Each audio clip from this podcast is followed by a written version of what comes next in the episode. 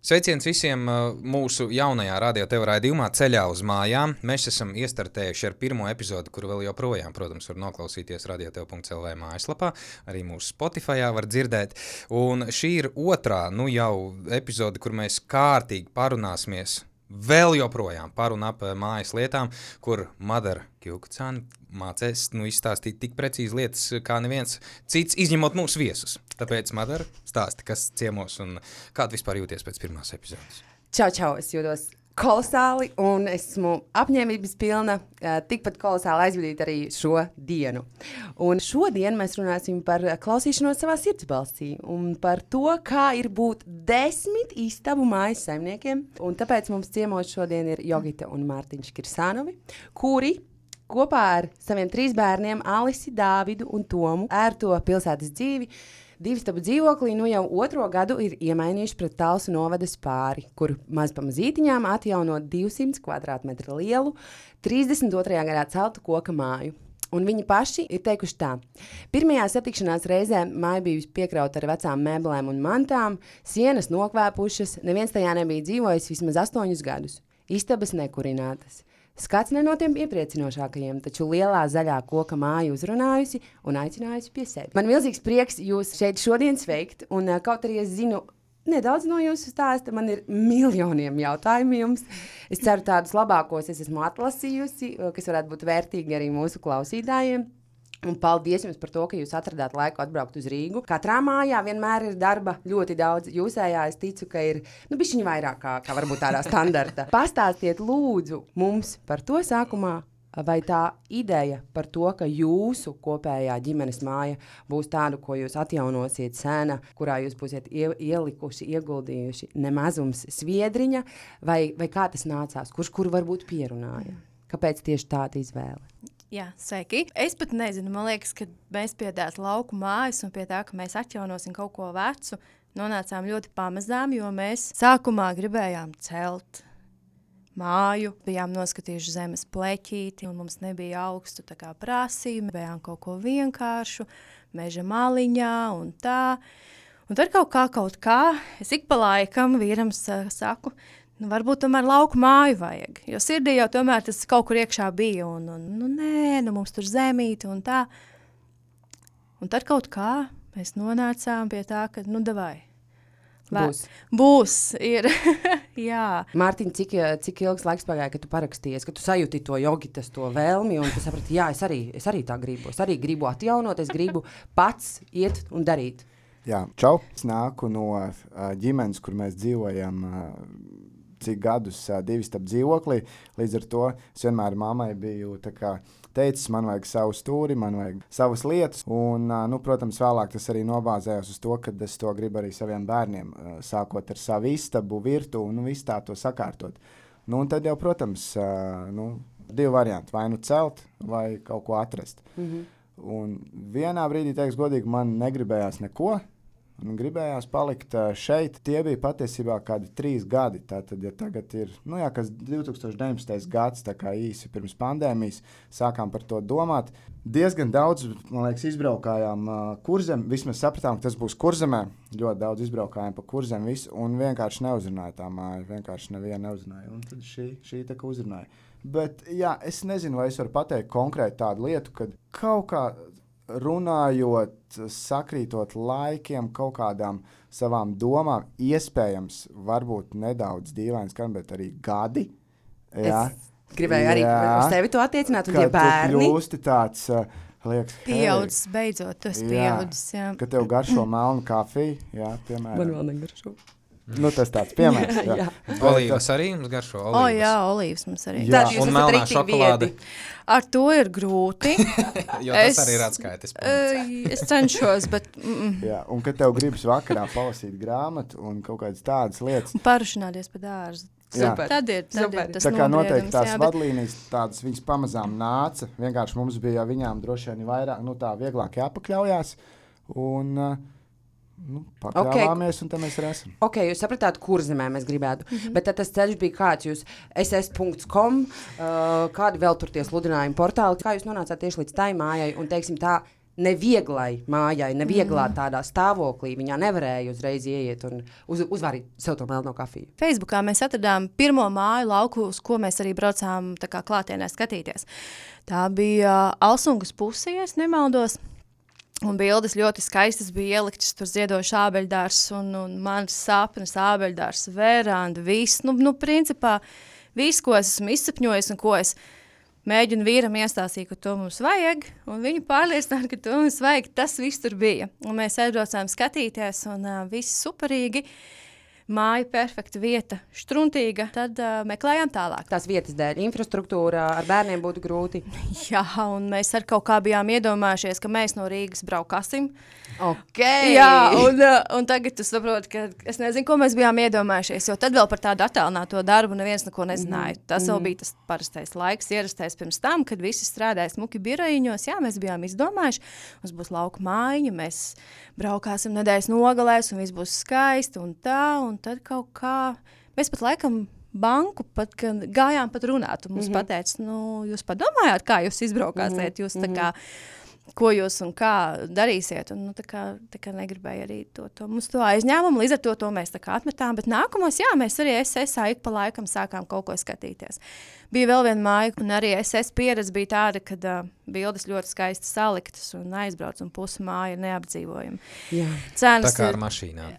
Apmēram, jā, jā cena, cena milzīga un viss tā, un es jau esmu tā, man to vizuālo, un es tās bildes skatos, un tik skaisti. Tu jau tā sapņos jau tur dzīvo, jā, jā, jā, jā. Un kā tad, kā tad līdz, tai, līdz šai līdz mājai, šai. kā tas notika, kā jūs viņu ieraudzījāt, kur jūs viņu atradāt? Es drusku piemitināšu par iepriekšo tēmu, kad, uh, lai kur māju mēs atrast, man bija tāds, uh, man bija tāds reālais skats.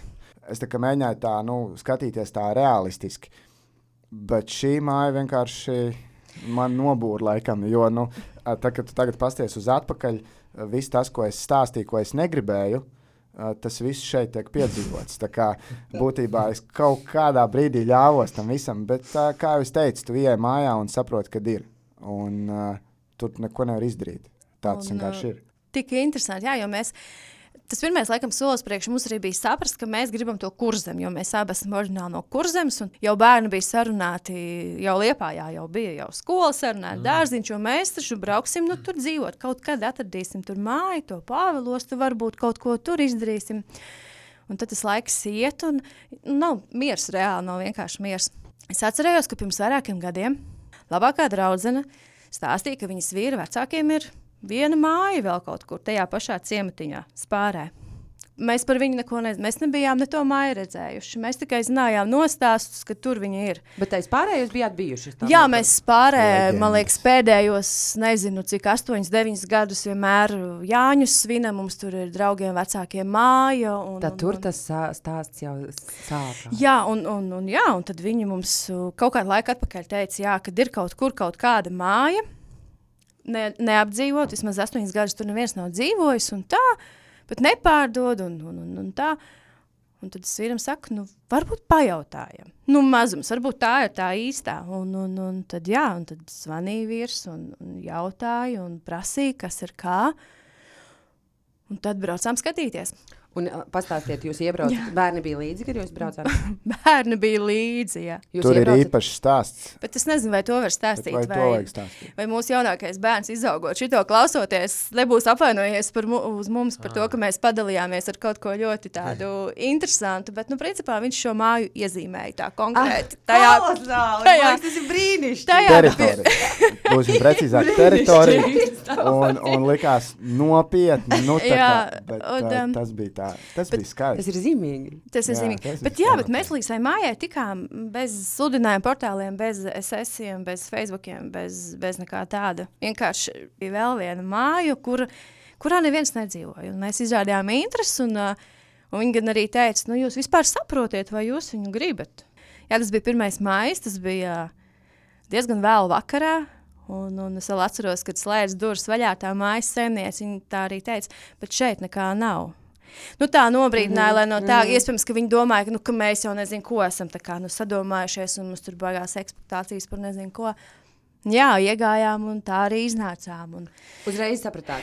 Uzreiz sapratām, un abi divi. vai ne?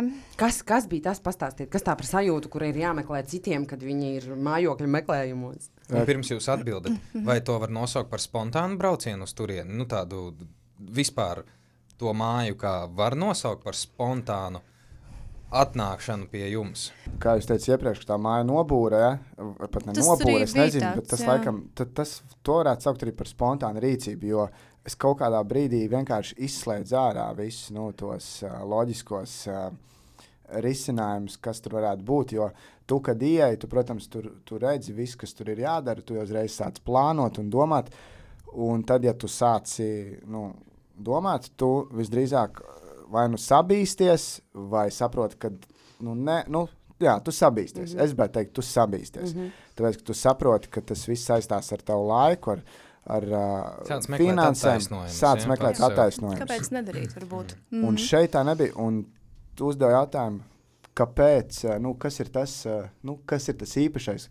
Sajūta es personīgi, nezinu, varbūt logam bija kaut kāda tāda ailīte, vai, vai tur bija viena ābele. Ka... Ja es par to domāju, tad, manuprāt, iespējams tāpēc, ka tā bija koka māja. Koka māja, koka griezti, uh, koka durvis, uh, betona grīdas. Man koks jau kopš bērnības jau ir tāds, ka nu, patīk. Un uh, pilnīgs tīradnis. Nesačakarēts pilnībā.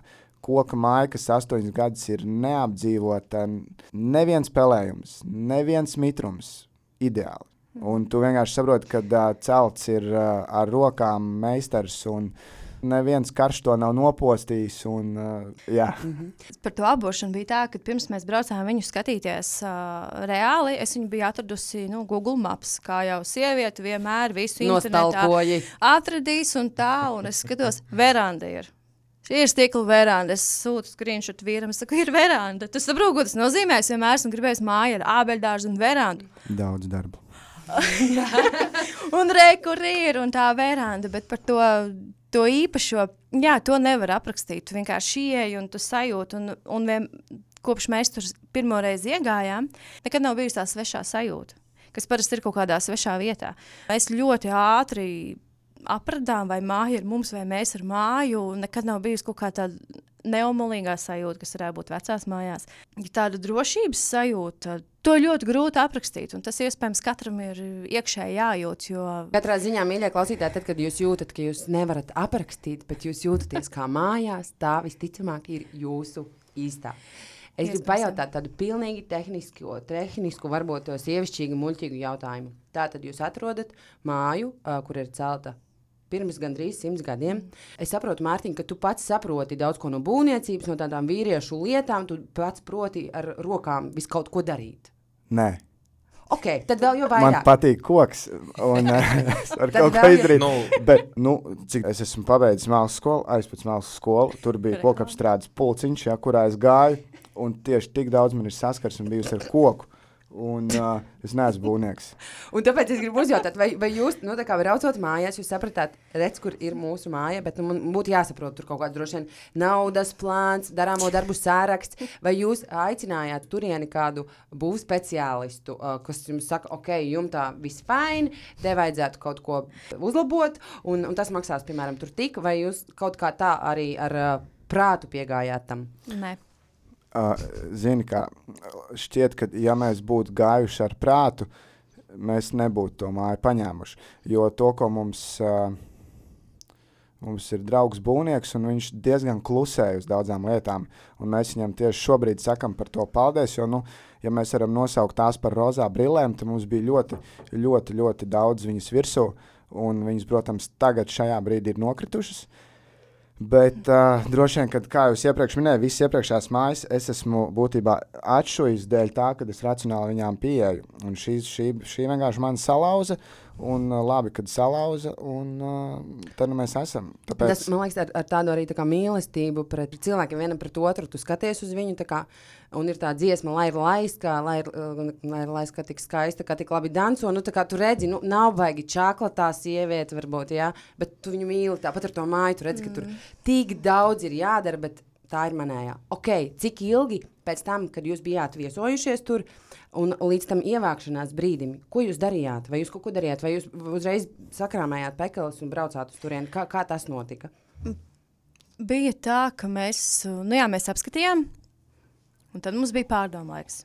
Mums arī saimnieki teica, nu jā, saprotiet, vai jūs to vēlaties. Un, un, un viņi no savas puses saprata, kas būtu viņiem, nu, tas viņu kaut kāds piedāvājums, kā mm. mēs varam kā, to visu nokārtot. Un, uh, vai viņi ir gatavi atteikties no savā ziņā, atteikties no tā īpašuma, kas viņiem ilgus laikus ir bijis.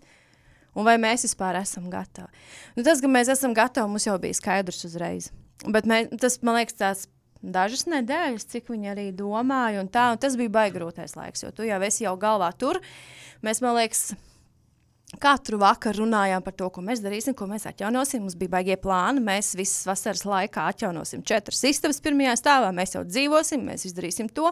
Mums būs tas un tas un šitas, un tas viss vienā vasarā. Mēs dažas nedēļas sēžot divi starp dzīvokli, plānojām savu visu, kā mēs atjaunosim. Tas taču tik vienkārši, vai ne? Skatījāmies video. Um, Do it uh, yourself, YouTube. Tur bija, tur bija kā restaurēt koku logus. Skatījāmies, es vīram saku, nu paskaties, Nā, grūti. Tur jānopērk, tur tas, tur lineļas, ķita, tur kas tur vēl, tur skrāpīts un gatavs. Un Tas bija grūts laiks. un tas pali, un man vēl ir tagad vēl pilns telefons ar dažādiem Pinterest brīnumiem, kur kāds dārzu kārtoši, kādā krāsā mums būs. Man ir mapīts saglabāt ar krāstoņiem, protams, vislielākoties zaļi. Tas viss pagāja tādā Rozā mākonīte īstenībā tāds, nu, tāds tā, ka tu kaut ko šausmīgi gaidi. Un, protams, nu, mēs arī sapratām, nu, ja pateiks nē, ka viņi tomēr nav gatavi šo māju pārdot, ja šī nav īstā, atnāks mm -hmm. cita, kas būs jā. īstā. Laidīsim vienkārši vaļā, nu, tur nav ko.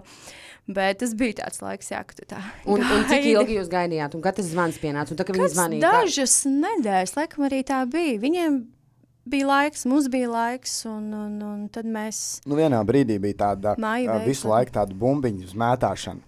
Uh, mēs tā kā piezvanījām, izrādījām interesi par šo māju. Viņi piedāvāja braukt apskatīt. Tad uh, mēs piedāvājām, uh, mums patīk, tad piedāvājām sakal viņu pusē, un tā visu laiku, un tā visu laiku, kamēr tu nonāc līdz tam, un tas tomēr ir kaut kāds laiks. Bet uh, tas bija interesanti arī tāds. Nu, un vienā brīdī tu saproti, ka jā, nu, tu vari izdarīt visu, bet šeit tavu, nu, tā kā, tava varenība apstājās. Jo, ja viņi pateiks nē, viņi pateiks nē. Mm -hmm. Ja viņi pateiks jā, viņi pateiks jā. Mm -hmm. un, kā, ja tā māja būs tev vajadzīga, tad viņa būs tev. -hmm. Bet uh, caurmērā ejot, vienkārši ir, man liekas, uh, ja ir sajūta, ja mēs bišķi, bišķi atgriežamies atpakaļ tam, ja ir sajūta, vienkārši jāņem. Un, Tas nav tikai uz māju. Un jūs uh, saņēmāt šo pozitīvo ziņu mm -hmm. no mājas saimniekiem, jūs arī tik priecīgi. Mm -hmm. uh, vai jums bija kaut kādi iekrājumi, par ko jūs uzreiz norēķinājāties par, par to īpašumu, vai jūs piesaistījāt bankas palīdzību? Nu, šis ir laikam tas stāsts, ka mēs vienmēr esam gribējuši. Mēs uz banku esam gājuši, manuprāt, to vienu reizi ar to lauku māju pirmo. Un tad apmēram tuvojušies bankai, kad mēs gribējām celt. Un tad mēs sapratām, ka ar banku mums nebūs pa ceļam. Un tad uh, vienmēr esam gribējuši paši tikt galā. Paši tikt galā un tikt pie mājas bez bankas. Un šobrīd tas mums ir izdevies. Tā kā tā ir mums draugu ģimene, tad mūsu nos, nu, noruna ir tāda, ka mēs Jums ir uh, speciāls uh, nu, no, dīls, teiksim, jā? dīls, jā, mm -hmm. tādā ziņā, un, un bez bankas starpniecības šo māju iegūt savā īpašumā, un tas, man liekas, ir arī tāds, ka wow, ka tā var, super, ka mums tā ir sanācis. Bet, uh, jā, nu start, start kapitāls, nu tāds super minimāls, ja mēs ņemam vērā to, cik tur ir jāiegulda, tāds super vienkāršots uh, bija, uh, un, un, un, protams, mm -hmm. kad, uh, lai tu varētu kaut ko darīt, uh, kaut kādus instrumentus vajag iepirkt. Un dzīvojot šeit, Rīgā, dzīvoklī, nu, tev nav pilnīgi nekā. Es lieliski zinu, mēs tikko iegādājāmies skrūvgriežņus, šļūteni dārzam, mm -hmm. ķeru, un tas viss maksā. Tāpēc es gribu mm -hmm. saprast, varbūt, ka mēs varam runāt par atklātām kārtīm. Kas bija tas, uh, tas cipars, tā naudas summa? Kas jums sākumā bija, lai jūs varētu no, nonākt tur, kur jūs šobrīd esat? Jā, nu, mums pašā startā bija 5000. Un, uh, Es jau sākumā jau mēģināju vest kaut kādu grāmatvedību, tam visam uzskaitīt, kas un kā. Un, nu, viņi pazuda ātri. Jā, viņi pazuda ātri. Un, un viss. Bet, protams, ka uh, visās lietās ir uh, nu, jādomā, nu, tā, ne, es negribētu teikt, sliktā nozīmē jāschēmo, bet tev ir jādomā. Nu, ja tev iedod uh, nu, teiksim, šādu māju un uh, 500 tūkstoši, tev nav jāschēmo. Tu vienkārši ej un dari. Jā. Šeit mums bija, nu, tā jādomā, ar ko tu vari sarunāt, ar ko tu vari sarunāt, varbūt vēlāk, ko tu vari sarunāt savādāk, kurš tev ir draugs, kurš var būt lētāk, ne par velti un tā tālāk. Un tad tas viss piedzīvojums arī sākās. Un, un sakiet, Tas... lūdzu, tātad ir pozitīvais vērtējums, mm -hmm. atbilde ir 5000 eiro, ir maija beigas. Mm -hmm. Jūs ievācāties 1. septembrī. Jā.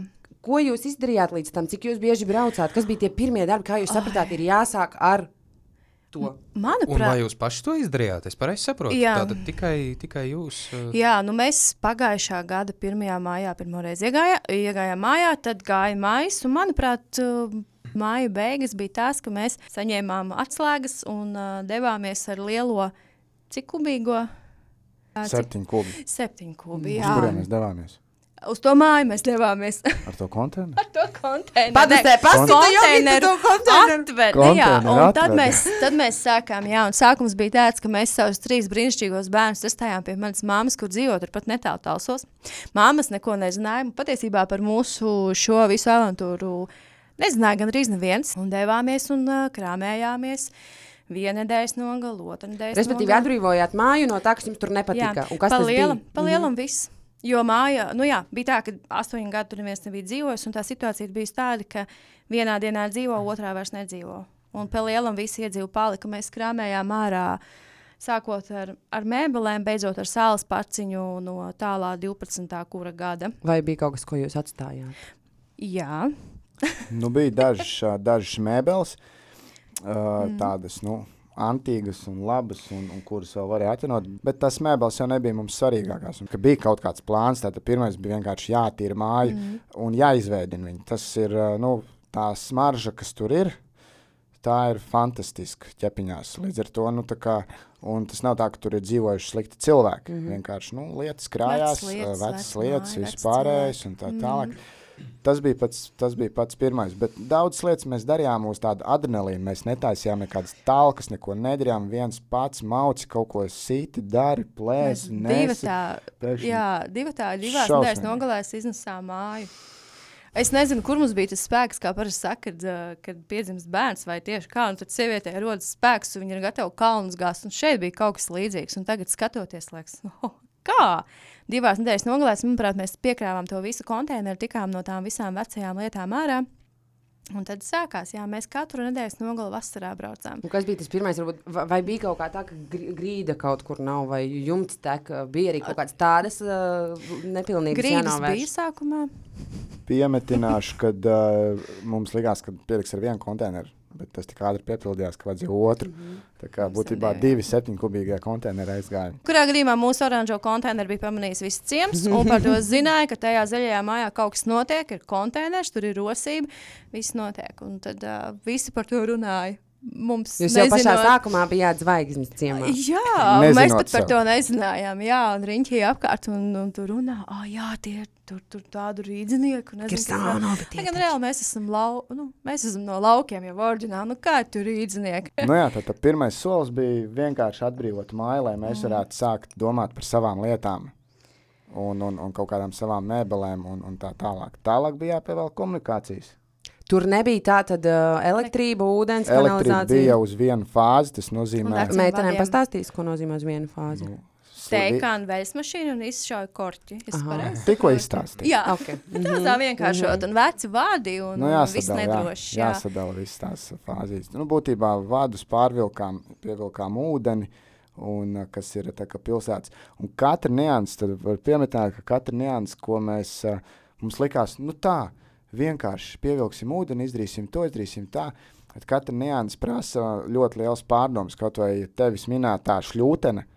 Man liekas, es aizbraucu brīvdienās, nopirku šļūteni, un tad, kad man tas cilvēks sāka prasīt tādus jautājumus, es viņam teicu, ka es atbraukšu otrdien mm -hmm. un nopirkšu. Man nu, tā kā jāpadomā. Mm -hmm. Un tā ir ar visām lietām. Sākot ar, ar ūdeni, ar kanalizāciju, uh, elektrību, nu, pilnīgi visu. Pilnīgi visu. Tev ir uh, racionāli jāpējiet un jāizdomā. Un, Nu, teiksim tā, ja tu neesi to gatavs darīt, tad jau droši vien, ka māja nav priekš tevis.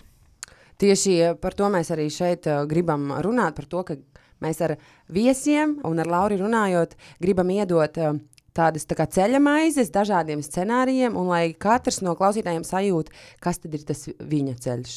Jo tas ceļš, ko jūs esat izvēlējušies, pavisam noteikti nav vienkāršs, bet es domāju, ka viņš ir absolūti skaists. Ka tad, kad jūs būsiet izdarījuši visu, vienā brīdī, kad jūs sēdēsiet jums liksies. Mēs neko nenožēlojam. Tas ir tas, kā mēs gribējām, un mēs ar sevi lepojamies. Jūs pieskārāties uh, manam nākamajam jautājumam, par to, ka mammas uh, neko nezināja. Gan arī neviens neko nezināja. Mans jautājums skanēja tā, ko par jūsu plānu teica draugi radi. Manā pieredzē ir bijis tā, ka tad, kad mēs izstāstījām ar vīru, ka mēs būvēsim māju. Vai dieniņ, vai jūs saprotat, ko jūs darat, cik tas maksā? Saka, dieniņ, tur tik daudz zemūdens akmeņu. Mūs tas varbūt kādā brīdī biedē, bet mēs domājam, runājiet. Mm. Kā bija jūsu pieredze? Pilnīgi vienādi. Mm. Šeit šis ir laikam faktors, kas nemainās, kas ir tāda vadlīnija. Vienalga, ko visam. tu darītu, būs komentāri. Šādi. Vienalga, tu cēl jaunu māju vai tu pēc vecu māju. Kāpēc jums to, kam jums to vajag? Nu, priekš kam jums? Mīļie tas... cilvēki, lūdzu, beidziet biedēt tos, kas grib kaut ko darīt, novēliet veiksmes, apsoliet Jā. pauklēt bērnus, kādreiz mm. varbūt aizdot simtnieku šļūtenei. Nebiedējiet tos, kas ir gatavi Jā. darīt, jo ir ļoti daudz, un man šķiet, stipri vairāk piemēru par izdošanos, kā par to, ka tas tomēr neizdodas. Mm. Tas bija vairāk stāsts par uh, to, ka jūs celsiet māju kā tādu, nē, bet uh, tātad ņemsiet māju vai brauksiet prom no Rīgas. Man liekas, ka visi un tie teksti arī par to, a, kā jūs bērnus izvedāsiet. A, kur viņi tagad mācīsies? Mm. Jums taču Rīgā tur viss tik labi un dzīvoklīts. Nu, labi, nav jūsu dzīvoklīts, bet nu vienalga. Mm -hmm. Viss ir un, un tā, un, un lauku māja veco ar bērniem. Nu, pa kādu naudu? kur tu strādāsi, kur tu darīsi. Nu, un tie teksti ir un, atbrau, ah, un tad atbrauc ciemos. Ārpus cik daudz darba. Liekas, tā, tu pasakiet kaut ko, ko mēs nezinām. Un tad vienreiz arī bija mums ciemiņš, kurš sēdēja pie, mā, nu, pie klēts galā. Un, Jums tās rēmsteles jātīra. Likās, jā? Vajadzēja iedot uh, lāpstiņu vai kaut kādu tādu. Tas ir otrais cilvēks, kurš to saka, un teiks, nu, bet tad iedod, nu, varēja iedot viņam, lai viņš iet iztīri, ja jau to tā, nu, tā kā. Bet, Nebijām um, pamanījuši. Jā. Paldies. jā, bet, uh, nē, nu, mana māma kā tagad atzīstās, ka viņa bija ļoti, tā kā, uztraukusies par mums tieši tajā ziemas periodā, jo mums bija priekšā tas viss tumšais, augstais un, un, un tāds. Un tagad jau, kad pavasaris, tad jau viņa atplauks pati, viņa man šo visu pastāsta, ka viņa bija noraizējusies par mums tajā visā laikā. Tas, protams, ļoti forši, ka, nu, ka par tevi raizējas un rūpējas. Un, nu, varbūt, ja mēs paši kaut kā tā nedaudz tā, nu, vieglāk tam visam pieejam, tad apkārtējie vismaz nedaudz uztraucas par mums un tā. Uh, bet, um. Šis iespējams ir pierādījums tam, ka uh, visam nevajag rast atbildes. Jo tas, ko tikko Jogita teica, kad ir šie jautājumi, nu, kā jūs to, kā jūs mm. to, kā jūs šito. Un man tiešām nav atbildes. Mm. Man tiešām nav. Ja man, teiksim, tur prasa, nu, kā jūs izvadāsiet bērnus, vienīgā atbilde man ir izvadāsim. Kā. Bet kā, protams, mm. kāda būs tā ikdiena, kāds būs tas cēliens, kāds būs vakars, to, to es, nu, tā kā, nu, to ne, mm. tu izveido to ritmu un arī visas pārējās lietas, ja, nu, uh, Es tik ļoti to, to runāju, un es tik ļoti gribu parakstīties ar katra tā vārda, jo lielās lietas dzīvē patiešām nevienmēr mēs zinām atbildes mm. uz tām, bet mēs vienkārši zinām, ka mēs to izdarīsim. Mm. Un uz ir to jāiet vajag, jādara. Ja? Ir jāiet un, un jādara, Precīzi. un jo vairāk dara, jo, jo vairāk var, var izdarīt. Okay. Es gribu um, nonākt līdz tam beidzot, kad uh, elektrība pievilkta, ūdens ir, va, varam braukt kurā brīdī tas notika? Vai jums tas 1. septembris bija izdomāts, ka jūs uz to ejat, vai kā, kā tas notika? Mēs vispār sākumā ja mēs domājam, ka septembrī tur viss būs nu, pabeigts. Sāksim ar to. Nu, no tie logi noslīpēti. Un... No desmit istabām mums bija plāns četras ritīgi kapitāli nu, uztaisīt, un nu, mēs jau ar visu kaķu pie tam vēl, jā, braucam un dzīvojam, un viss forši, un tad nāk laiks, un laiks iet uz priekšu, un mēs nekur uz priekšu netiekam, mēs tur paliekam. Jā. Un nevis tāpēc, ka mēs būtu sliņķi, bet uh, tu sāc saprast, ka uh, tas process, nu kā viņš ir tāds, to, ko ļoti atšķirās tas, ko tu domā. Un šeit laikam ir vēlreiz tas, pie kā mēs atgriežamies, ka tu vari izdomāt visu kaut ko, bet būs savādāk. Tāpēc vienkārši neraustīties un to darīt, jo tāpat būs savādāk. Lai kā tu būtu izdomājis, lai cik tu būtu precīzi iz, izkalkulējis, tur, nezinu, finanses, pilnīgi visu, nu nebūs tā. Mm -hmm. Vienkārši tā nebūs, būs savādāk. Un, un mums bija pilnīgi tas pats. Uh, Un mēs vienkārši nu, gājām uz priekšu, bet mēs vasaras, vasaras pavadījām tur tikai nedēļas nogals. bija traki, tad es aizbraucu pa nedēļu, vienu dienu nopļāvu zāli, lai vismaz zāle nu, neaug. Tā, bet tā mēs pašām bijām tikai nedēļas nogalēs. Un tad mēs sapratām, ka mums ir jāsāk domāt nu, cits risinājums, ne tāds, kāds mums bija galvā, tad, kad mēs uh, parakstījāmies. Bet uh, tad, kad mums ievilka ūdeni, mums jau viņa pievilka tikai pie mājas. Mm -hmm. Tas jau nu, arī mums sākumā likās, nu, tur ātri, ātri izrakst, nu, trubas vai ne, un visu ievilks un tā. Un tagad ir tā diena pienākusi, un es skatos, viņi pievilkuši pie mājas tikai. Kur tad? Nomazgāties nevar. Nomazgāties nevar. Labi, rīcības nav. Elektrības mums pārvilka vienā, vienā istabā, vienkārši uzlika jaunu rozeti un jaunu vadu. Un tad mēs ar 50 metrīgu pagarinātāju staigājām pa visu māju un slēdzām gaismu. Tad mēs bērnus tur sākām vest, jā, nedēļas nogalēs, un arī palikām tur pa nakti bez, bez palielam, bez elektrības, bez ūdens, bez nekā. Cik veci bērni bija tad? Nekas nav ļoti mainījies. Mm -hmm. Tagad viņiem alas vecākiem ir 11, 7 un 4, un tad viens gadiņš uz atpakaļ. Ko, ko viņi, kā viņi uztvēra vispār to, kas notiek? Viņi Viņiem saprata? ļoti, ļoti patika. Ļoti patika. Un, uh, jā, tas mums kaut kad nebijām īstenībā tā aizdomājušies par to, kāda būtu viņu reakcija savādāk. Mēs pat nevaram iedomāties, ka viņi varētu reaģēt savādāk vai viņiem varētu nepatikt. Bet tad mums to jautājumu vienreiz pajautāju, un tad es sapratu, jā, ka noteikti ir ģimenes, kurās bērni ir diezgan. Nu, nepatīk. Es domāju, jums noveicās, jo viņam nebija vēl 14 gadi. jā, tur, tur tā lieta, jā, varbūt tāpēc, ka mazi viņi uztver to ar tādu rītīgi lielu sajūsmu tur, un mēs braucām vakaros uz ezeru tuvējo, tur pat peldēties un visu, un mums, jā, mēs ēdam lielajā istabā uz grīdas, mums tur nekā nav, vai arī ārā zālē vai vienalga, un, un, un, un toaleti viņiem ir ārā.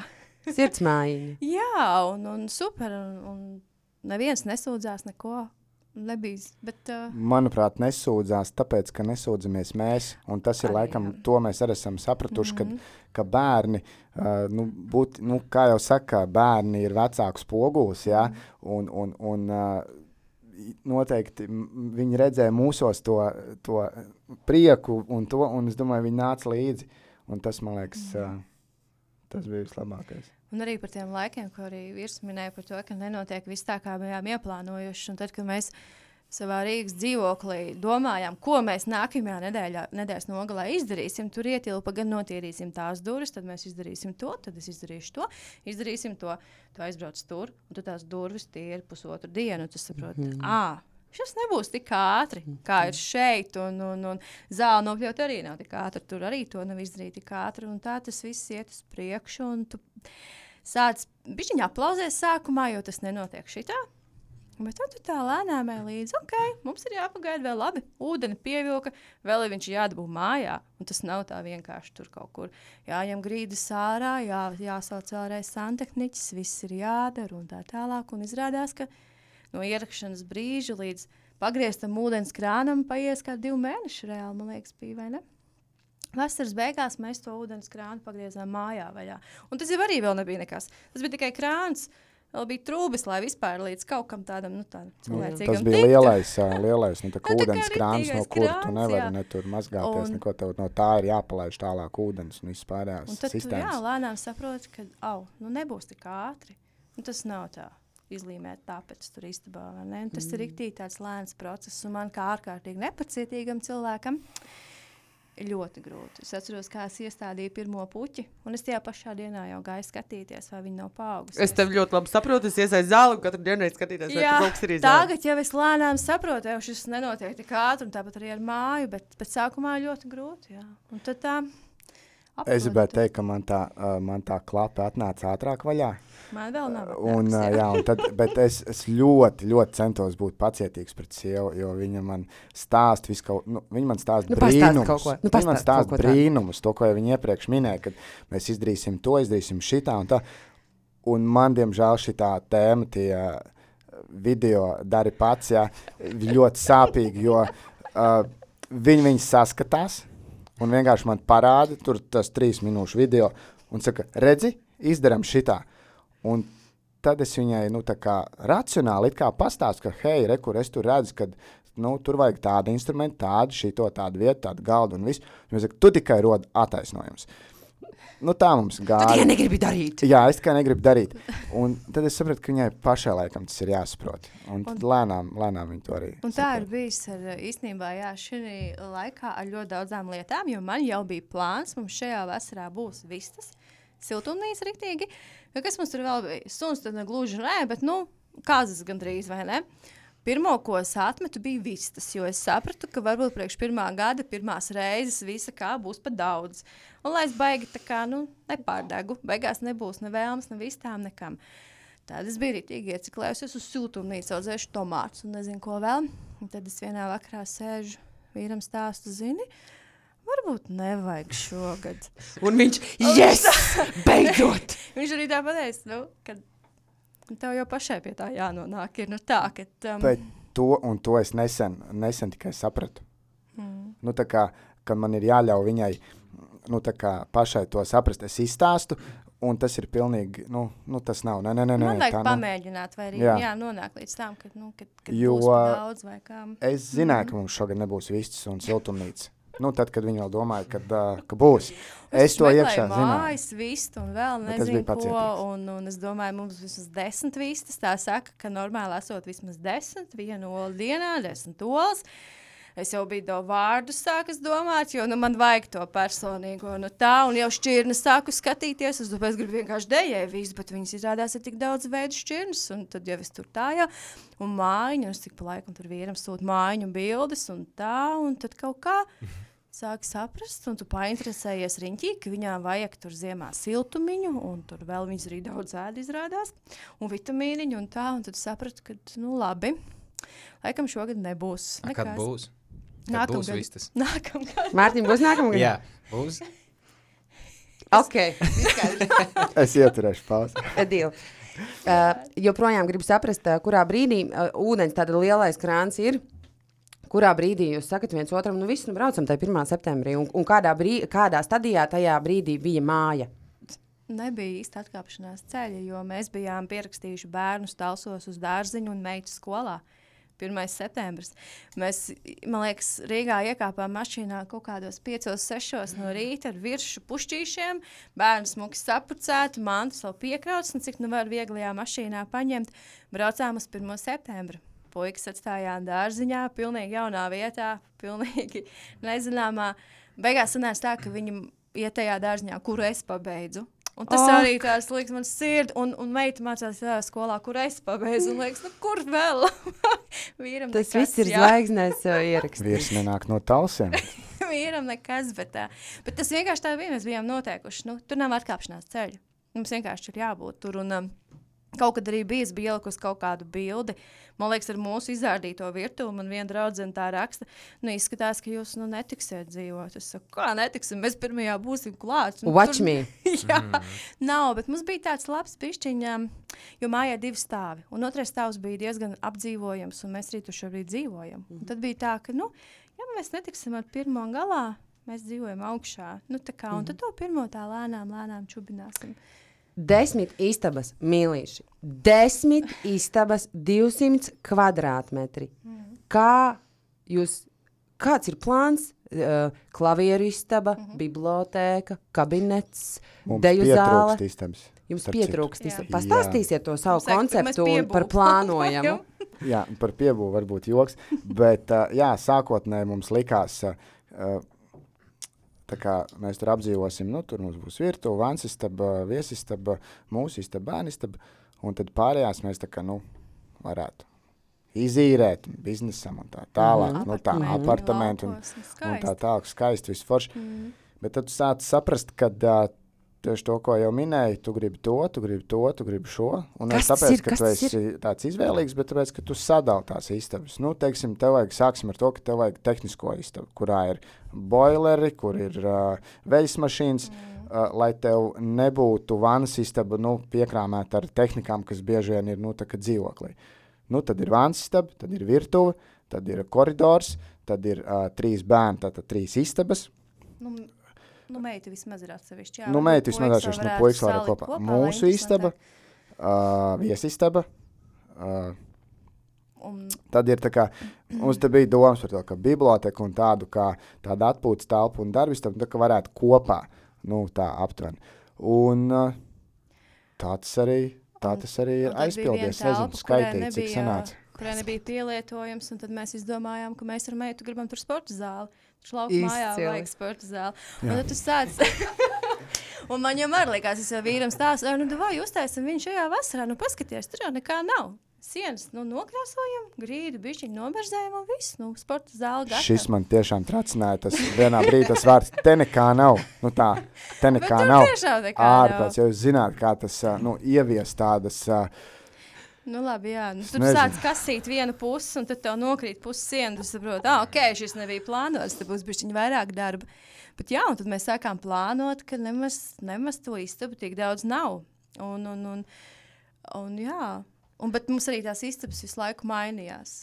Tas, nu jā, tās Koncepts. desmit istabas, jā.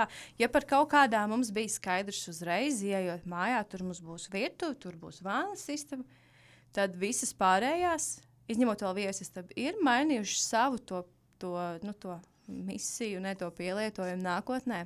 Man ir tā sajūta, runājot ar jums, gan pašai atskatoties uz uh, savu māju, ko mēs arī pamazām iekārtojam, ka ir jādod tai telpai laiks, ir jāsajūt, ko viņa tev saka priekšā. Jo man liekas, patiešām viņa vienā brīdī parāda, te būtu izcila biblioteka, te sporta zāle, plītī jābūt tur. Vai jūs tam varētu piekrist? Precīzi. Pilnīgi. Precīzi. Laiks, laiks ir tas, kas, ja mums brīžos liekas, ka mums nav laika, ātri viss ir jāizdara, tad šim, šim noteikti var piekrist. Un mums, mūsu gadījumā, laiks mums strādā mūsu labā tiešām. Jo, ja mums būtu vienkārši uzreiz nauda, man liekas, ka mēs būtu izdarījuši daudz muļķības. Mm -hmm. Un mēs tagad tā. sēdētu un varbūt, ah, nevajadzēja. Man jau, godīgi sakot, arī par mūsu vānas istabu, bet uh, ir tā, ka nu, tā bija viena no pirmajām telpām, ko mēs sapratām. Tāds mazs kambarītis pie virtuvītes klāt, lodziņš, viss forši, mums tur būs mūsu vānas istaba. Un, uh, protams, vānas istabas tas viss izbūves process ir diezgan sarežģīts, un tur ir jāplāno. Tas nav tā vienkārši nokrāsojam sienu, ieliekam dīvānu. Un, uh, Manas istabā divām. Uh, Jā, un tad mums bija tā viena brīvā telpa. Un es sāku domāt, nu, pats, nu, ko mēs sasteidzām to vannas istabu. Mums ir liela istaba. Tur tiešām varētu vannu ielikt, jo mums vannas istabā nav vannas. Un izrādās, to nemaz laikam nesauc par vannas istabu, ja nav vannas. Dušu telpa, jā, Jā, man kaut kā tā arī podu. mācīja. Jā. Mums ir duša un pods. Likās, un tur ir tā viena telpa lielā ar logu, un tur varētu vannu ielikt. Tur varētu, nu, tā Bet plaši. neko sev nepārmet. Vienmēr, Nē, nē, vienkārši te ir tas stāsts, jā, ka liekas, tu izdari, un liekas, jā, tas pirmā ideja ir vislabākā, un ar laiku tu saproti. Ah, Bet ar kaut ko bija jāsāk. Un labāk, lai tā ir vanas istaba, droši vien nekā virtuve, kas ir kaut kā Jā, višķīši jā, jā. saplānota. Tāpat arī par to, kas mums tagad ir plānā, un darba istaba. Sākumā mums likās, tur būs bērnu istaba, un mēs būsim blakus. Tad mēs kaut kā sākām dzīvot augšā, sapratām, ka augšā ir tik forši. Un sapratām, "O, ko mēs tur lejā. Mēs dzīvojam visā augšā. Tātad tā telpa kā paliek brīva. Tur mums būs darba istaba. Atsevišķi ieeja, viss forši. Var kāds atbraukt ciemos, nav jāiet ar visu māju. Nu, tā pamazām, pamazām, un tiešām, kā arī tu teici, tā bija arī atziņa priekš mums, ka tā māja pilnīgi pat tev pasaka priekšā par lietām. Gan iekšā mājā, gan arī ārpusē. Gan dārzā. Gan dārzā, gan arī mūsu siltumnīca, kur mēs sākumā gribējām vienkārši nost. Tagad tā viņa izskatās tik, tik labi un tik forša vieta, kur pasēdēt un atpūsties. Un viņa nu, pildīs savu funkciju. Es ceru, ka vēl gadus, divus, trīs. Es novēlu piecus. atpūtas. Piecus? Es novēlu. Es nezinu, vai vismaz. tas brūsis turēs. Turēs. Cerams. Vai jūs eh, ļāvāt saviem trīs rakariem izvēlēties mīļere, kur desmit istabas, kurš kuru grib? Mums kaut kā patiesībā ar, ar katru kaut kādu notikumu, ā, kas mums ā, lielāks vai mazāks mūsu dzīvē notiek, mums uzrodas tā kā telpa. Un, ko tas nozīmē? Tas nozīmē, ka, nu, pieņemsim, pie mums bija arī ā, ziemā ciemojās ā, viens žurnāls, un ā, tā iespaidā, nu, tā kā meita tika pie savas istabas, jo mēs tā kā gribējām tur kaut ko uztaisīt. Un tāpat tās arī par virtuvi, pagaidu virtuvi un tā tālāk. Nu, kaut kā viņas tā pamazām. Un tagad jau uh, mums bija arī tur viens pasākums pirmajā stāvā un sapratām, ka hei, mēs jau no šodienas varam ēst arī šeit pirmajā stāvā un tā tālāk. Un, un arī puikām laikam tā īpaši neprasījām. Vienkārši sastēlējām gultas, kuras jau bija nopirktas. Jūs gulēsiet šeit kopā ar māsu, bet mēs kaut kā cenšamies bērniem pastāstīt to plānu. Jo viņi bija sākumā, nu, negrib ar māsu kopā. Mm. Nu, tā kā, tad mēs Jā. izstāstījām, ka nu, mēs nevaram tā uzreiz, ka māsai mm. ir uh, istaba tomēr jāizremontē kārtīgāk, un viss, un tā māsa padzīvos pie viņiem, un ka viņiem būs sava istaba. Un, un, un tā. Bet Tā es atceros, jā, toreiz, kad mēs Alasītē iekārtojām to viņas istabu. Un um, pie manis atnāk vidējais, pilnīgi nošķirts un raud. Es viņam prasu, kas ir. Māsā ir. Man nav. Mums nekad nebūs sava istaba. Es saku, kāpēc? Nu, kur? Nu, nav. Es saku, būs mīlīt, tas tā pamazām, pamazām. Šeit būs jums istaba, te būs gultiņas, viss, viss. Un tad mēs ik pa laikam viņus izvedam cauri un pastāstam, ko mēs šeit plānojam. Viņi arī tā, ka mēs paši kaut kādā domu lidojumā klejojam pa māju un runājam, ko mēs šeit. Un viņi ik pa laikam pieslēdzas, un viņi arī nu, dzird tās lietas. Un, um, ja mēs plānojam, jā, te mums būs tā.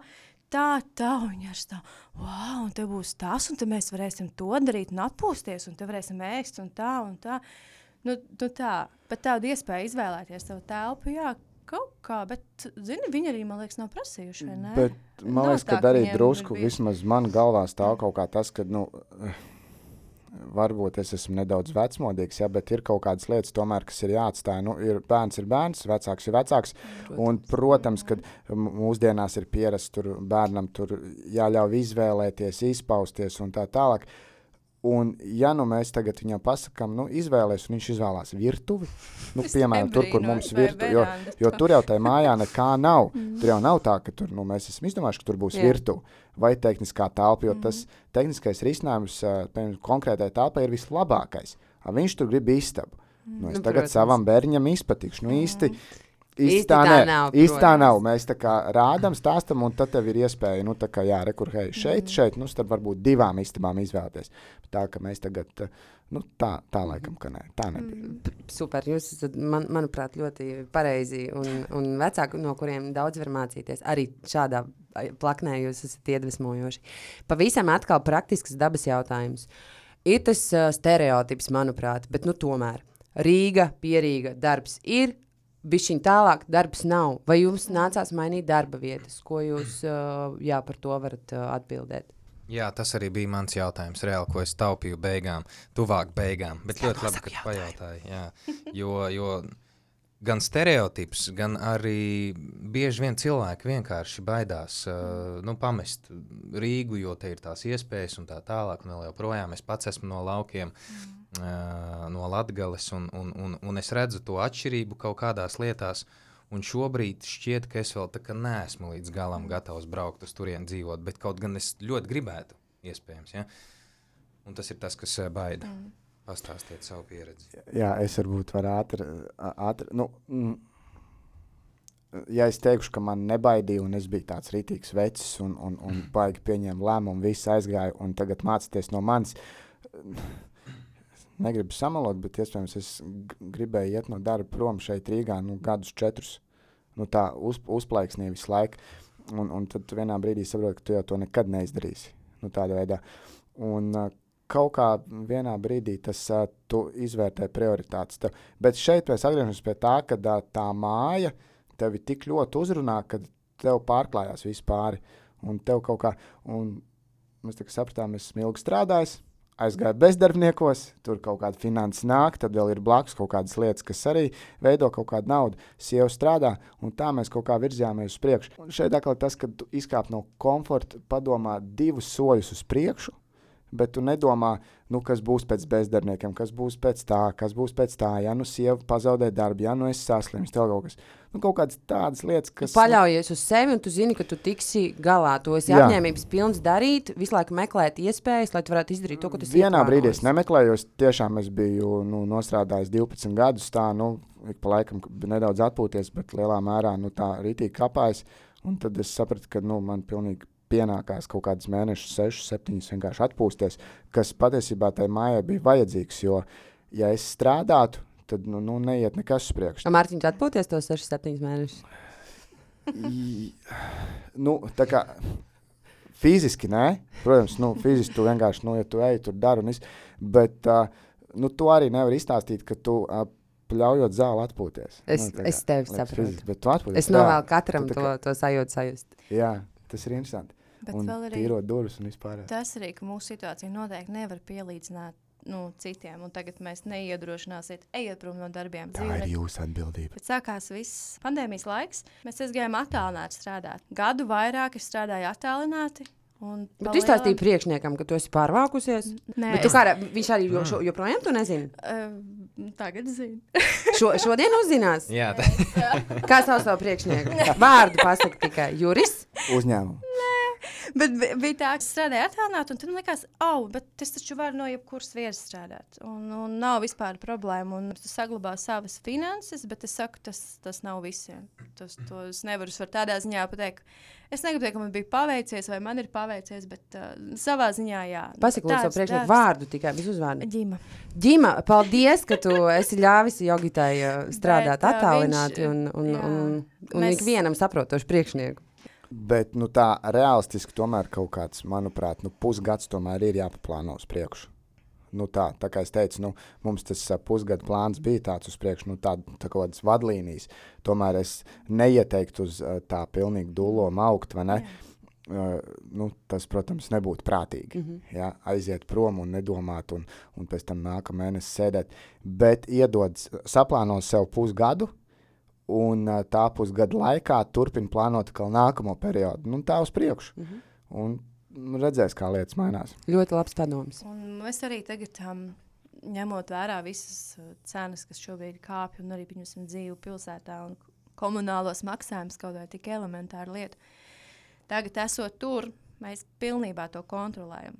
Mums nav neatnāk mēnesī rēķins, ka mēs nezinām, kā to samaksāt. Nu, siltums, piemēram. Nu, mums nav šomēnes vairāk ko nopirkt tās briketes. Nu, labi, mēs padzīvosim tajā vienā istabiņā tās trīs dienas. Ok, izdzīvosim. Nu, tā, Galvenais ir kā, laikam, nu, saprast, ka tu vari pielāgoties. tu un vari pielāgoties un arī saprast, ka tas ir tāds periods. Jā. Nu, tā, un, un, un, un nebija mums tur jā, milzīgie ie, nu, iekrājumi. Jā, tie, kas arī mums bija, tie pazuda vienkārši dažos mēnešos. Un man izpratne par naudu ir absolūti nekāda. Man šķiet, ka mums ir un ir un ir. Un es viņam saku, "Nu, bet mēs taču vēl ar to varam, to varam, to. Un tad vienā dienā pasakā, bet nav vairāk. Saku, kā nav? Mums bija Kur 5 liki? Jā, kur? Un tad dieva tur parāda, nu, mums vajadzēja to trīmēru, vajadzēja to, re, kur tur ūdens ieraksts tas. Un, sā, Bet tas arī nelīdzēja. Es vienkārši parādīju Excel tabuliņu pēc tam. Es gribēju jautāt, vai ir Excel? Vai ir Jā, Excel? protams, ir Excel. Tas- Excels. Šeit, šeit ir tas, ko es minēju. Nu, ka, tā, ka, ja mēs tā skatāmies, tā virspusē, kaut kādu mūsu stāstu, ko mēs tā, tā pa perimetru izdalāmies, viss, mm. nu, tam jau tomēr apakšā ir kaut kāds tomēr plāns un, un, un kaut kāds, nu, to, ko es teicu, tu sēdi, domā, plāno un kaut kā virzies uz priekšu. Nu, tā uz haļaučiku tu neko nedari. Mm -hmm. ja? Bet, nu, drosmē, droši vien, kad ir jāsaņemās. Man ir tāds jautājums. Laukos forši, pilsētā forši, katram tur savs mm. priekšstats par to, un katram arī sava īstā vieta. Kas un vai ir kaut kas tāds, kas laukos ir nu, tāds super, super, super, ko jūs nemaz nedomājat, ka nu, tik forši var būt? Kas ir tā lieta, par ko jūs esat vai sajūta absolūti priecīgi, un kas ir tas, kas no pilsētas pietrūkst? Mārtiņ. nu, es šodien sapratu to, ka man īstenībā pietrūks dinamika. Tā, kas šeit ir. Uh, un te ir tā, ka es viņu varu atbraukt uh, vienu, divas dienas saņemt. Bet, uh, ja es viņu saņemu septiņas dienas nedēļā, tad es uh, jau sāku izpumpēties no tā. Un tas ir tas, kas man iespējams pietrūkst. Jo laukos tur, nu, tur notiek viss lēni, prātīgi, mierīgi, klusi, nesteidzīgi. Šeit tomēr viss tas ir kaut kā tāds, nu, tu kaut kā iegūst tādu pulsu. Arī visi tie kaut kādi cilvēki apkārt staigā. Viss.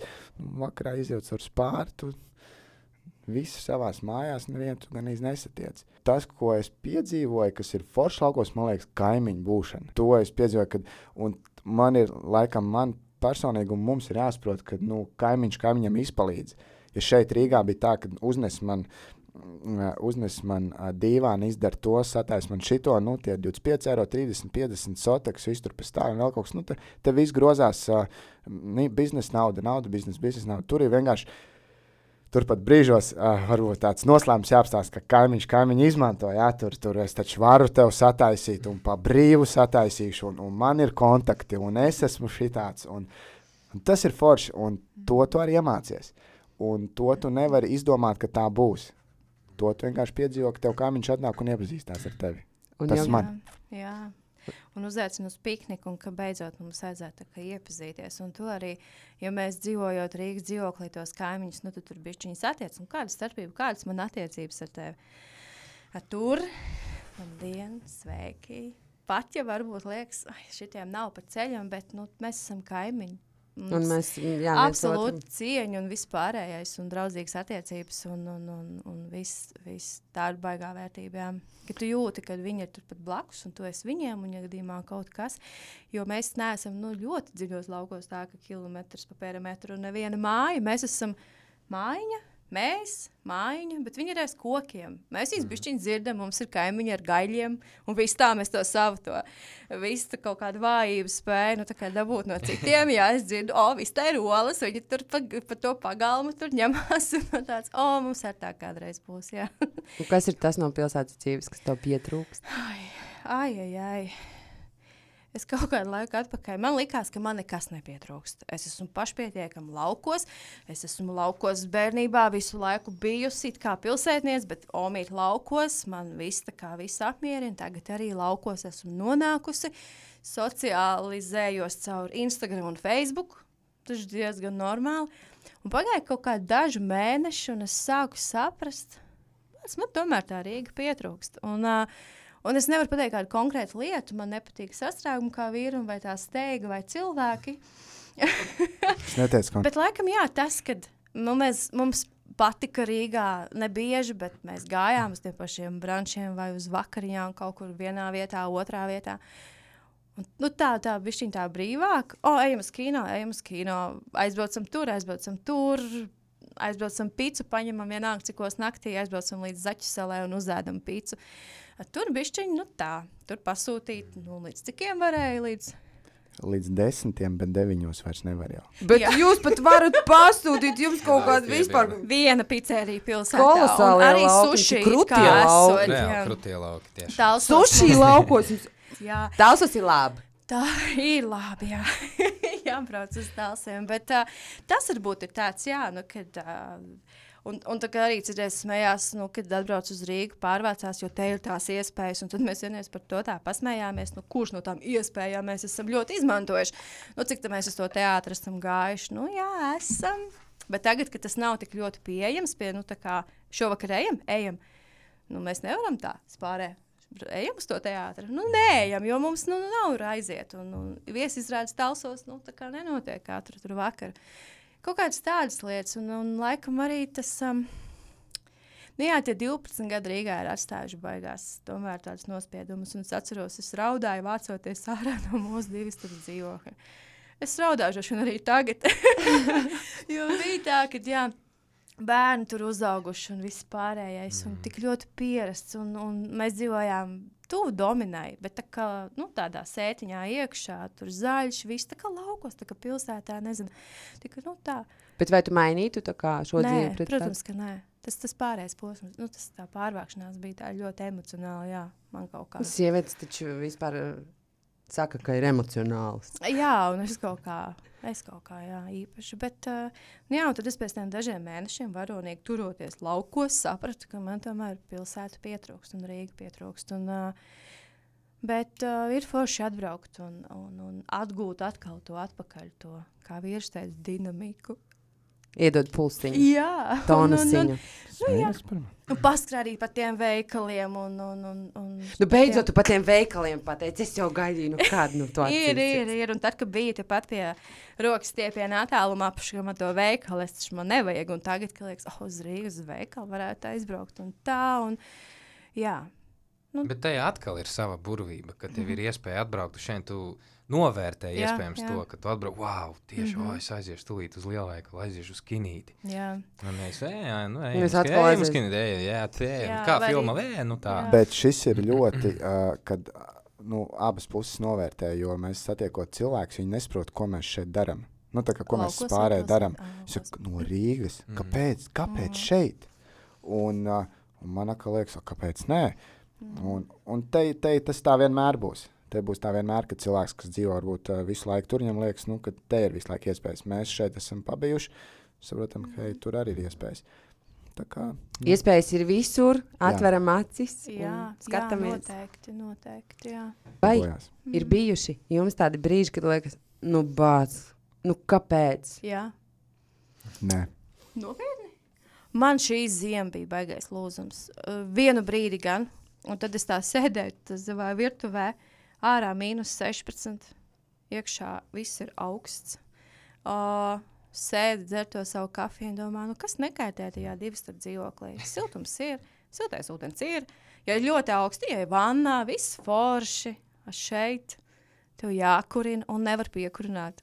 Un uh, tad, kad bija tas nu, tie trakie mīnus, man vīrs nesa manu darba galdu pie krāsnīs, un krāsnīs durvis bija vaļā. Un es tā kā tā salu, man likās, nu, kāds sakars, nu, kāpēc? Nu, tas bija tāds baigais, jo, nu, ja tas tā, nu, tā ziema arī šogad man likās tik ilga, un vēl joprojām likās, vēl mājas sākums bija tik augsts, un man likās, nu, bāc, nu, siltumu, lūdzu, siltumu, man ir tik ļoti apriebies tas augstums, un, un tad bija tādi vāji, un tādi, kad, ai, vai to vajadzēja, nu, taču varēja palikt savā ērtumā, komfortā, un, un, un tā, bet tas absolūti tās dažas reizes, kad es tā sajūtos, nu, tā nekompensē to ārkārtīgo laimes sajūtu un to brīvību un to, tās milzīgās emocijas labās, kas ir tur dzīvojot. Nu, man liekas, ka svarīgi ir, kad, kad abiem diviem nav tā sajūta. Reizē vismaz labi, ka Nu, nav. kad nav reizē, jā, jo man liekas, ka nu, tad, kad sievai ir uh, slikti un man ir uh, forši, tad uh, nu, es turu to, to realitāti. Es ceru, ka tad, kad man pienāks brīdis, viss besīs, tad es ceru, ka viņai būs tas brīdis pāri. Ne, tas tā tiešām. Jo nu, pagaidām es īstenībā pat gaidu, kad man būs tāds. Jo es, nu, es tā kā ar prātu saprotu, ka kaut kad jābūt tam nu, Nu, besim, nu, kad ārprāts nu, nu, ir pa daudz. Ne, kāpēc mm -hmm. to darīt? Pagaidām viņa nav. Ir fizisks nogurums, protams, nu, tāds cilvēks. Bet, Bet tu tā vakarā tā paskaties un, un, un izvērtē kaut ko. Un, un tad uh, ik pa laikam arī, starp citu, Instagram arī man ir tāds labs atskaites punkts, ka, jo mēs cilvēki ļoti ātri daudz ko aizmirstam. It kā liekas, ka mēs tur esam bijuši gadu, un man liekas, neko mēs te varbūt neesam izdarījuši. Un tad tu pasties bildes un saproti, Kaut kas ir tomēr. kaut kas ir tomēr izdarīts un daudz jau pēc tam. Tā kā nu, cilvēkiem kaut kā ir īsa atmiņa pēdējā laikā. Un Jogitas un Mārtiņas stāstam Instagramā var sekot līdzi profilam Zaļā koka māja. Mm -hmm. Mhm. Jā. Un par Instagram arī mums kaut kas vienreiz arī jautāja, ah, mūsu pirmajā intervijā. Tas arī bija cik interesanti.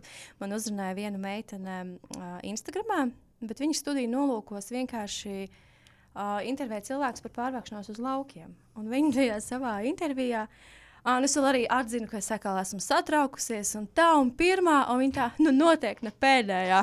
Es domāju, jā, kā tā, nu, kurš gan vēl cits. Un, um, un, un, un, jā, un tad. Nu, lūk, te kur rādīja tev, nu tā, tad intervijas turpināt. E, tad es arī teikšu, noteikti ne pēdējā. Noteikti ne pēdējā. Ah, un, jā, un tad viņa jautāja par to, kā jūs izdomājat par to Instagram. Un, un, un, un tas ir interesanti, jo mēs viņu nesākām pašā sākumā ievācoties mājā, jo es nebiju izdomājis logo. Jums Tikai ir mājai tā. logo. Jā, jā, mums ir mājā logo. un Tas Tad, ir izšūta dvielīša ar logo. Ak!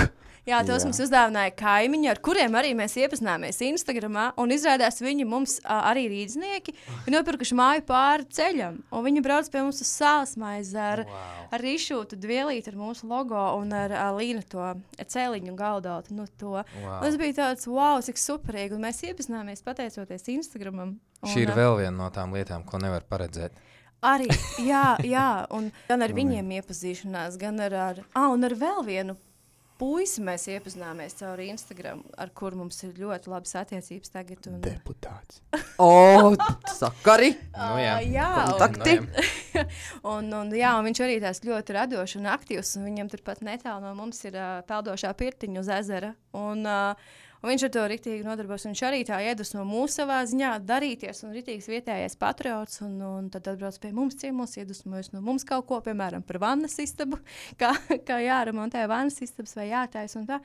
Un tā ir rītīgi forša, un to, to mēs ieguvām, jā, pateicoties Instagram. Un tādā ziņā tas mūsdienu, tas laikmets un tas viss ir ļoti forši, jo tu tajos laukos pat ja tu esi viens, tu neesi viens. Visu laiku ir tā sajūta, ka tev ir kāds blakus un tu ar kaut ko nu, komunicē. Un arī tajos brīžos, kad liekas, ka viss ir galīgi slikti, nu, tu apskaties to Instagram un tu saproti, ka um, Nemaz iedvesmo- tik slikti nav, un mēs viens slikti. otru ar saviem darbiem iedvesmojam. Jā, un, un citreiz jā, tev varbūt jā. liekas, ka jā, ir, man ir riktīgi Jā. slikti, un man tā pašsajūta ir nu, zemē. Mhm.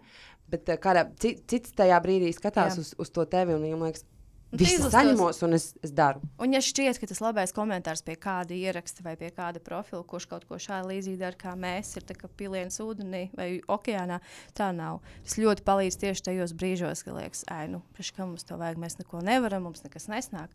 Un tu izlasi to vienu komentāru, kur ir uzrakstīts, wow, jūs iedvesmojat. Mm. Es arī es esmu gatava arī to darīt, vai vienalga, wow, jūs esat piemērs, vai, vai arī kaut vai teksts, es nekad tā nevarētu. Tas arī liekas, wow, tad mēs tiešām darām kaut ko tādu, ko varbūt tā citi nevarētu. Es jums uzņemties, un tas patiešām ir. saku, ka jūs darat kaut ko tādu, ko citi nevarētu. Pastāstiet, lūdzu, kas ir nākamie darbi, kas ir darbu listē uz šo vasaru, rudentiņu. Jā, nu šis bija šis ir, uh, labs jautājums. Mums ir plāns, nav tā, ka mums nav plāna. Un ir ļoti grūti, jo ir uh, maijs. Mēs par to jau sākām plānot jau aprīlī, martā. Uh, būtībā siltums ir svarīgākais, kas uh, mūsu mājā pagaidām ir otrais stāvs tikai ar krāsnīm. Un mums nav ne malkas, nekā, ne krāsnes, ne granulas, ne izvilkts, pilnīgi nekas. Un uh, pirmā stāvā ir uh, tātad visas šīs tehnikas, kuras ir jāapsilda. Un uh, mēs viņus nedrīkstam uh, aizsaldēt. Ja mēs viņus aizsaldējam, tad viss darbs ir vējā, viss trūks atkal pa jaunu, viss iekārts pa jaunu. Būtībā tas ir tas primārais, kad uh, izdomāt tieši par siltumu. Viss pārējais lietas pagaidām, man, vismaz man tā liekas, kad ir nolikts nedaudz Ā. uh, malā. Nu. Bija arī nolikts malā. Man nav, jo es biju oh, izdomājis, ka mēs varētu virtuvi uztaisīt šajā vasarā, bet laikam jau ka nē. Jā, jo man liekas, tur jau īsti nekas nav. Bet, jo es vēl vakar skatījos, man liekas, nu, tur grīdu ieliet un, un Mīļie klausītāji, Ja gribu uz tiem tālsiem, ja gribu uz tiem tālsiem, uzraksti Jogitai Instagram profilā un saka, Klau, es gribu jums palīdzēt, aizbraukt vienu nedēļas nogali kārtīgi noraut par kādu soļankas bļodu, pēc tam ugunskurā vārīt un, un piesakās uh, palīgā. Noteikti. Jā. Šeit vienmēr, kad kāds mums sa- piesakās ciemos, saka, nu, nu tu tā sadomā kaut kādus darbus. Nu, man nav jādomā. Es vienkārši nu, jau zinu, ko darīt. vienkārši- aizmirst. Jā, vienkārši brau, brauciet nu, tā kā Un- ciemos. Un, un vēl arī ar ciemiņiem palīdziet. ir tā, ka mums ar vienreiz brauca mani radinieki, un uh, viņi tā pieteica, tu tikai neko negatavo. Un es tajā brīdī gan noklusēju, ka man jau īstenībā nav uz ko gatavot. Un es virtuves. Jā, tā kā man liekas, bet labi, es negatavošu. labi, jūs braucat ar saviem cienestiem. un Jā. Mums ir uh, vienreiz arī, man liekas, vīra draugs viens prasīja pēc tam, kad jau bija no mājas ārā tā pakluso. "A, Kur jūs ēdat? Nu, kā jūs gatavojat? Jo mēs to savu divu riņķu plītiņu bijām nolikuši nu, projām no skatu. Vienkārši nav vispār nekā, kur gatavot. Un tad, un tad pačukstējām, ka mums tur ir tādi divi riņķi, maziņa tāda. Ko nu tur var to gatavot? Un izrādās, viss kaut ko var. Un tūlīt ir vasara, un kas ir labāks par ugunskurā cepto kartupeli? Jā, tieši tā. Tā kā jā, atbildot uz jautājumu, eh, siltums tas ir manu, nu, protams, ka uh, ir man arī prātā virtuve, jo, nu, ja mēs sākam ar vien vairāk sadalīt istabas, bet, nu, nostādot prioritātes, tas ir siltums, jo es gribu uh, saglabāt to drošību tām lietām, ko mēs līdz šim esam izdarījuši. Uh, jo nav jēgas uztaisīt jaunu virtuvi, kad viņa atkal būtībā mm. viss iekārts, kas tur ir, viss, kas tur ir, tas uh, vienkārši sasalst, jo jā, ārā ir mīnus 16, mājā ir mīnus 16. pieredze ar sasalstošām trubām šajā ziemā. Un tad, kad mums ziemas sākumā nāca un tei, teica, ah, jums jau tas sasals. Sakās, nekas mums tur nesasals. Un pēc dažām dienām tu ej un viss ir sasals. Un tad mēs visu ziemu dzīvojām. Uz, mums pie mājām netālu ir mūža. Pie mūžas ir aka. Un mēs visu uh, ziemu dzīvojām ar mūžas ūdeni. Ļoti vērtīgu noteikti. Tāpēc mūžas ir jāatjauno un, ā, Jā, un, un jā. jānovērtē. Jā, es par visu piebilstu par to, ka par šo aizsalšanu vispārējais, kad, manuprāt, nevajag, nevajag izlikties par tiem, kas mēs neesam, un vajag uzklausīt padomus.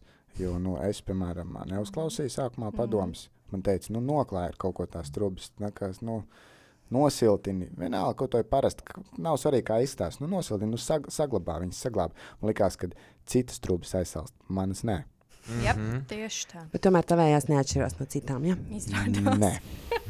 Un tas ir atkal tāds, ka tu, tā ir tāda, nu, vai nu tu paņem to sev līdzi un pārējās lietas tā kā saproti, vai arī tu turpini būt uh, uzpūtīgs, ne, bet uh, nu, iedomīgs. Un, un, jā, nu, tā kā, nu, tāds nu, noteikti nevar būt. Tu jau uh, iesāki uh, par manu nākamo jautājumu. Es gribēju jautāt, uh, kā, apaļojoties, uh, kas būtu jūsu padomi tiem, kas ir varbūt līdzīga ceļa sākumā. Tātad pirmais ir trubas vajag nosiltināt, varbūt ir vēl kādi. Nu, tā es nu, es nezinu, ar padomiem, man liekas, tā baigas. Padoms ir slikts, tad to neprasa, bet es jautāju. Jā, nu, iedod. ah, ok, jā šis ir labi. Šis ir labi. Nu, pirmais, kas man nāk prātā, ja mēs runājam par projektu kā tādu lauku māju, un ja cilvēki par to domā un, un tā kā baidās, tad neizplānot visu, izplāno sākumu, izplāno pirmos soļus. Tas, man liekas, tāds ieteikums, kad Un kā mēs redzam, mēs nekad nevaram iedomāties, ka uh, tur ir tāds kaimiņš, ka tur ir tāds uh, deputāts, ka tur ir tāds cilvēks, ka tam cilvēkam pieder tāda māja, ka tur ir tas, ka tur ir tāda vide, tas iztīsies šādi, tas par to priecāsies, nepriecāsies. To mēs nevaram izplānot. Un mēs nekad nebijām izplānojuši tajā pirmajā maijā, kad mēs gājām mājā iekšā. Ka? 11. maijā mēs sēdēsim pie jums un par to runāsim. Nav jāplāno, jā, visi tie soļi uz priekšu. Citreiz man liekas, ka tad, kad tu sāc domāt, bišķiņ nobīsties un liekas, nē, nē, es palikšu savā drošībā. Nē, bet iedrošinājuma vārds, es domāju, ka ir neraustīties, plānot sakrīgi mm. uz priekšu savās, uh, ja savās robežās. Ir un tā lauka māja, jo, jo cik nav tie stāsti dzirdēt un lasīt, ka tagad tas ir ļoti populāri palicis un uh, daudzi to saskatās kaut kādos tos pašus žurnālus vai Instagrams un tā skaistā dzīve, pieņem to lēmumu pārvākušies, un pēc kāda laika saprot, ka nav tā, kā tu rādi, vai nav tik viegli. Un, nu, ir jāsaprot, ka būs, nu, būs grūti, un reāli grūti tā, ka citreiz liekas, viss, nu, kāds sakars. Bet mēs īstenībā ar tām visām tām šausmīgām strādāšanām un visām, visām, man liekas, vasaras otrā pusē sapratām, ka, ok, stop, mēs, uz, mēs esam uz palikšanu tajā mājā, mēs esam pelnījuši atpūsties arī nedēļas nogalēs. Jo bija tā, ka pirmā vasaras puse mēs bērnus atstājām pie vecākiem, un mēs braucām strādāt. Sēždienas, svētdien, pēc tam izpumpējies, tu brauc uz Rīgu. Jo nu, tev taču ir nu, jādabūt tā māja kaut kā. Un tad lēnām tu saproti, ka tā māja, tie darbi jau nekur nepazudīs. Mācies atpūsties, mācies baudīt to negatavo, to, to neperfekto vidi. Un mums arī, es, lai mēs tiktu uz savu pirmo atjaunoto telpu, vannas istabu, mums ir jāiziet cauri virtuvei, kur nav grīda. Tur ir uh, smiltis. Jums vajadzēja tur trūkumus, tur vilkt, un grīda bija izpuvusi. Viss tā virtuve izskatās nu, diezgan traki. Tādiem žēl ir tā telpa, kur nāk visi viesi. Tagad jau jāiet uz to vānu sistēmu. Bet es eju cauri, man liekas, jā, pēc kāda gada, pusotra es tur stāvēšu, gatavošu ēst. Un uh, es atskatīšos uz to atpakaļ un liksies, wow, bija tā.